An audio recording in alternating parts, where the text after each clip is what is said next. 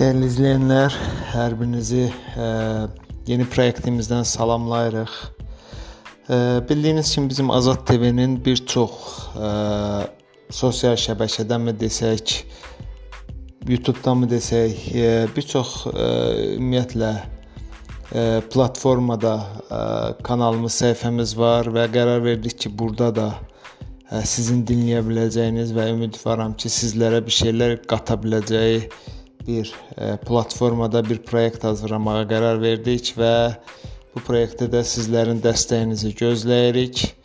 E, bəyənməyi, paylaşmağı, dostlarınızı dəvət etməyi unutmayın ki, sizlərlə birlikdə daha güclü olaraq və daha e, uğurlu işlərə imza ataq.